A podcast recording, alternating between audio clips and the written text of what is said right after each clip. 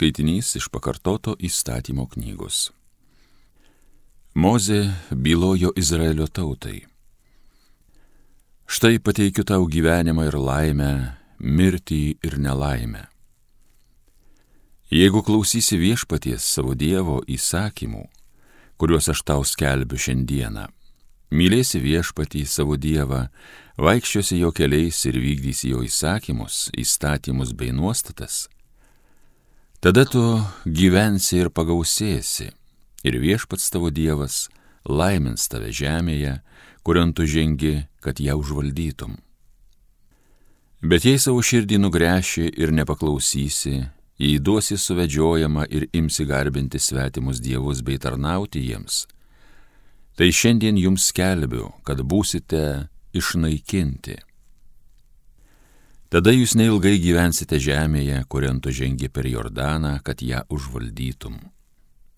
Šiandieną šaukiu prieš jūs liudytojais dangų ir žemę, kad tau pateikiu gyvenimą ir mirtį, palaimą ir prakeikimą. Tad rinkis gyvenimą, kad gyventum ir tu, ir tavo palikuonys.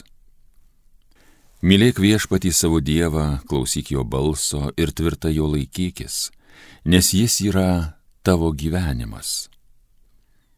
Jisai yra ilgis tavo gyvenimo, kurį tu gali pragyventi žemėje, kurią, kaip žinai, viešpats prisiekė atiduoti tavo tėvams - Abraomui, Izaokui ir Jokūbui.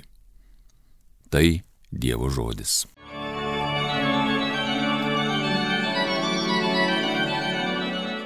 Laimingas žmogus, kuris viešpačiu tiki.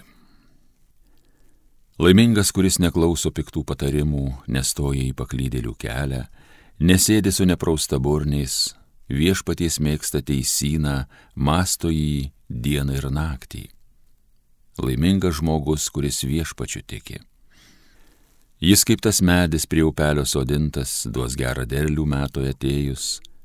Nevysta jo lapai, visi darbai jo sėkmingi. Laimingas žmogus, kuris viešpačiu tiki. Ne taip su bedieviais, ne taip, jie kaip pelai sklaidomi vėjo. Į teisiųjų gyvenimo kelią viešpats žiūri maloniai, o kelias bedievių į pražūtį veda laimingas žmogus, kuris viešpačiu tiki. Atsiverskite, sako viešpats, nes dangaus karalystė čia pat. Iš Ventosios Evangelijos pagal Luką. Jėzus kalbėjo savo mokiniams, žmogaus sūnui reikės daug kentėti, jis bus seniūnų, aukštųjų kunigų bei rašto aiškintojų atmestas, nužudytas ir trečią dieną prisikels. Jis pasakė visiems, Jei kas nori eiti paskui mane, teisi žada pats savęs, te neša kasdien savo kryžių ir te seka manimi. Kas nori išgelbėti savo gyvybę, praras ją, o kas pražudys dėl mane savo gyvybę, tas jie išgelbės.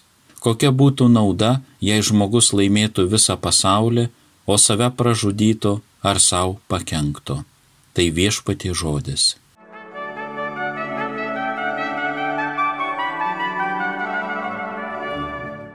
Mėly Marijos radio klausytojai, vakar pradėjome gavėnę, 40 dienų kelionę link Kristaus prisikėlimo ir mūsų pergalės amžinybei. Pažvelkime į šios dienos Evangeliją antrą gavėnios dieną, keliaujant link amžinybės tikslo. Kai Petras prieš tai visų mokinių vardu išpažįsta Jėzų Kristumi, gyvojo Dievo sūnumi, viešpats pirmą kartą preiškė mokiniams pasaulio išganimo planą. Nukryžiavimas ir prisikėlimas apreiškiami mokiniams ir mums per jų liudėjimą kaip pascha, gyvojo Dievo perėjimas per mūsų žmogiškai gyvenimą. Nėra mums išganimo, jei kažkoks žmogus, netgi ir pranašas, numirė už mus. Mes net nebūtume išganyti, jei Dievas tiesiog pakeistų visatos dėsnius, jog nuodėmė nenuvestų į mirtį. Pasikeitusiame pasaulyje mes neliksime patys savimi.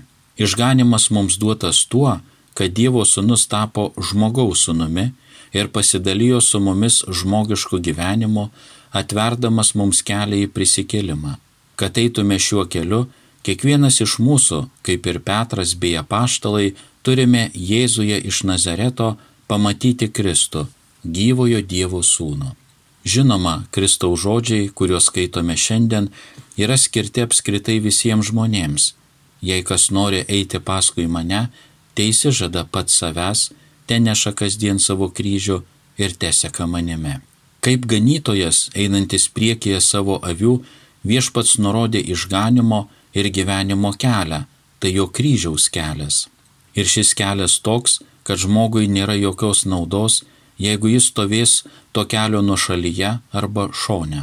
Jei neini šiuo keliu, atiduodama savo gyvenimą Dievui iki galo, tuomet tu lieki savo žmogiškame ribotume ir mirtingume. Tai reiškia gana paprastus dalykus. Iš esmės, čia kalbama apie tai, kad viešpats tikisi iš mūsų, jog mūsų laikas ir jėgos, dėmesys ir meilė būtų skirti kitiems žmonėms, taigi ir pačiam Dievui. Kelias, į kurį mus kviečia Kristus, yra gyvenimas ne savo patiems, o Dievui, kuris pasirinko gyventi mūsų artimuosiuose. Tai skausmingai ir kankinančiai sunkus kelias, nes sunku atsisakyti savo valios ir priimti pasaulio nepykantą.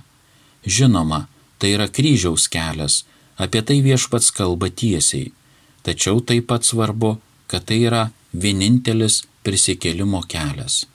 Išganytojo žodžiai apie kryžių atrodytų klausytojams neturėjo būti labai aiškus, juk jo mirtis ant kryžiaus dar tik laukia ateityje.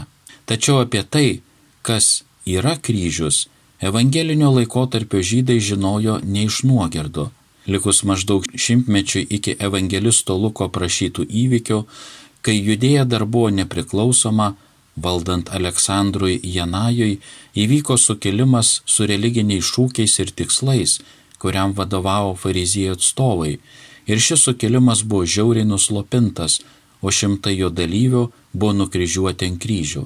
Tokia egzekucija ir bausmė buvo ne tik skausminga bei gėdinga, Mirtis ant kryžiaus išniekindavo ir suterždavo žmogų religiniu požiūriu, o valdžia akivaizdžiai norėjo pažeminti sukilėlius ir šiuo atžvilgiu. Todėl Jėzaus žodžiai buvo aiškus kiekvienam jo klausytojui, ypač fariziejams, kurie žinoma nepamiršo savo kankinių. Tačiau Jėzus, aišku, neturi omenyje religinių ir politinių tikslų. Nors tie, kurie buvo pasirengę jame išvelgti Mesiją, tikėjosi būtent iš jo kvietimo kovoti, maištauti prieš romėnus, eiti į šventą karą su pagonėmis, kurie buvo okupavę šventąjį miestą Jeruzalę. Išganytojas kalba apie Dievo karalystę, kuri yra ne iš šio pasaulio, ir apie tą naują gyvenimą, kurį gyvena jos gyventojai. Ir jis sako, kas nori išgelbėti savo gyvybę, praras ją, o kas pražudys dėl mane savo gyvybę, tas jie išgelbės. Šie žodžiai atrodo paradoksaliai, bet gerai pagalvojus ir pažvelgus į žemiškai gyvenimą iš Dievo karalystės gyvenimo pilnatvės perspektyvos, tuomet viskas atsistoja į savo vietas.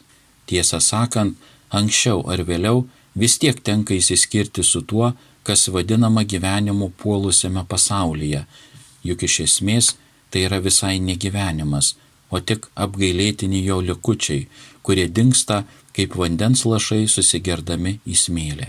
Ir net jei žmogus, atsisakęs Dievo karalystės, mainais gautų visą pasaulį, tą patį neperkeistą pasaulį, į kurį atėjo Jėzus, kad įneštų į jį dangaus karalystę, kuri jį pakeistų, to, kuris atsižadėjo gyvenimas, netaps pilnesnis tokia gale.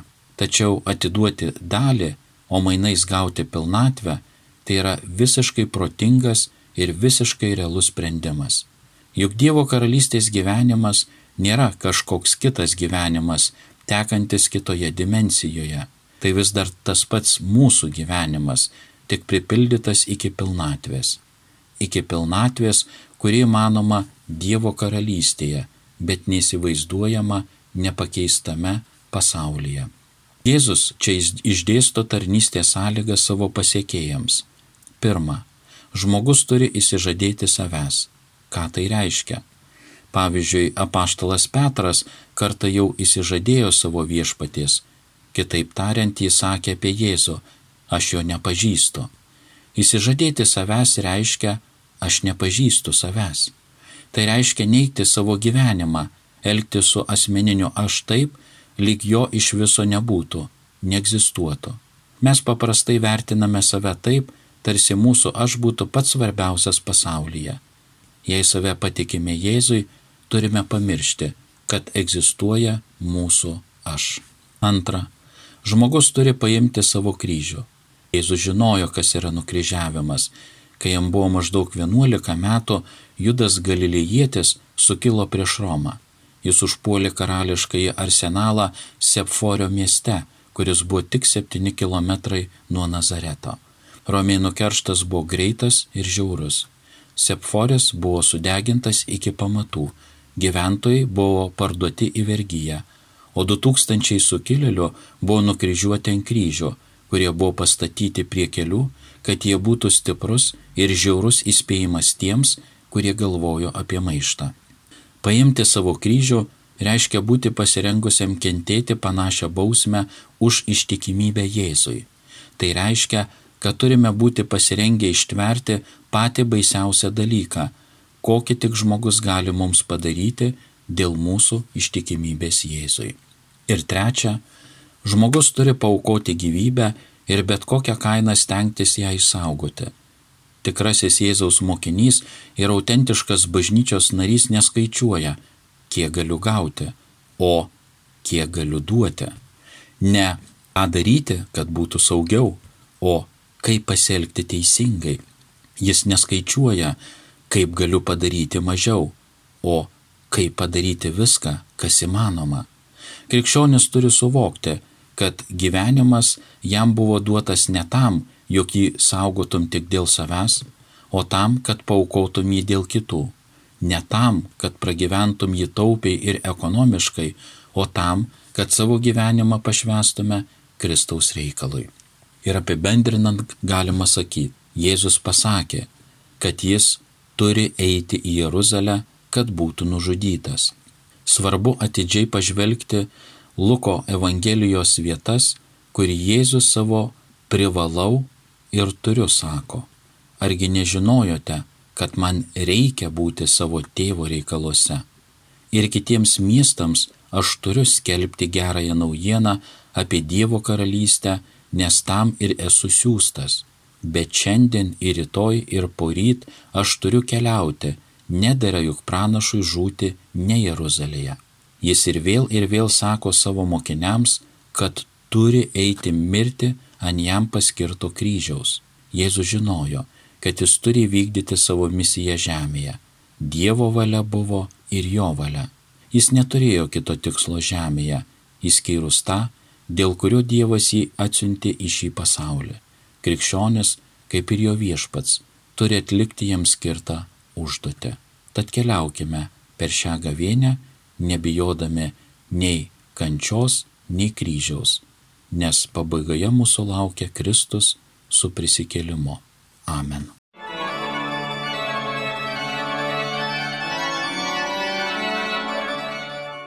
Homilija sakė kunigas Juozas Fakėjevas.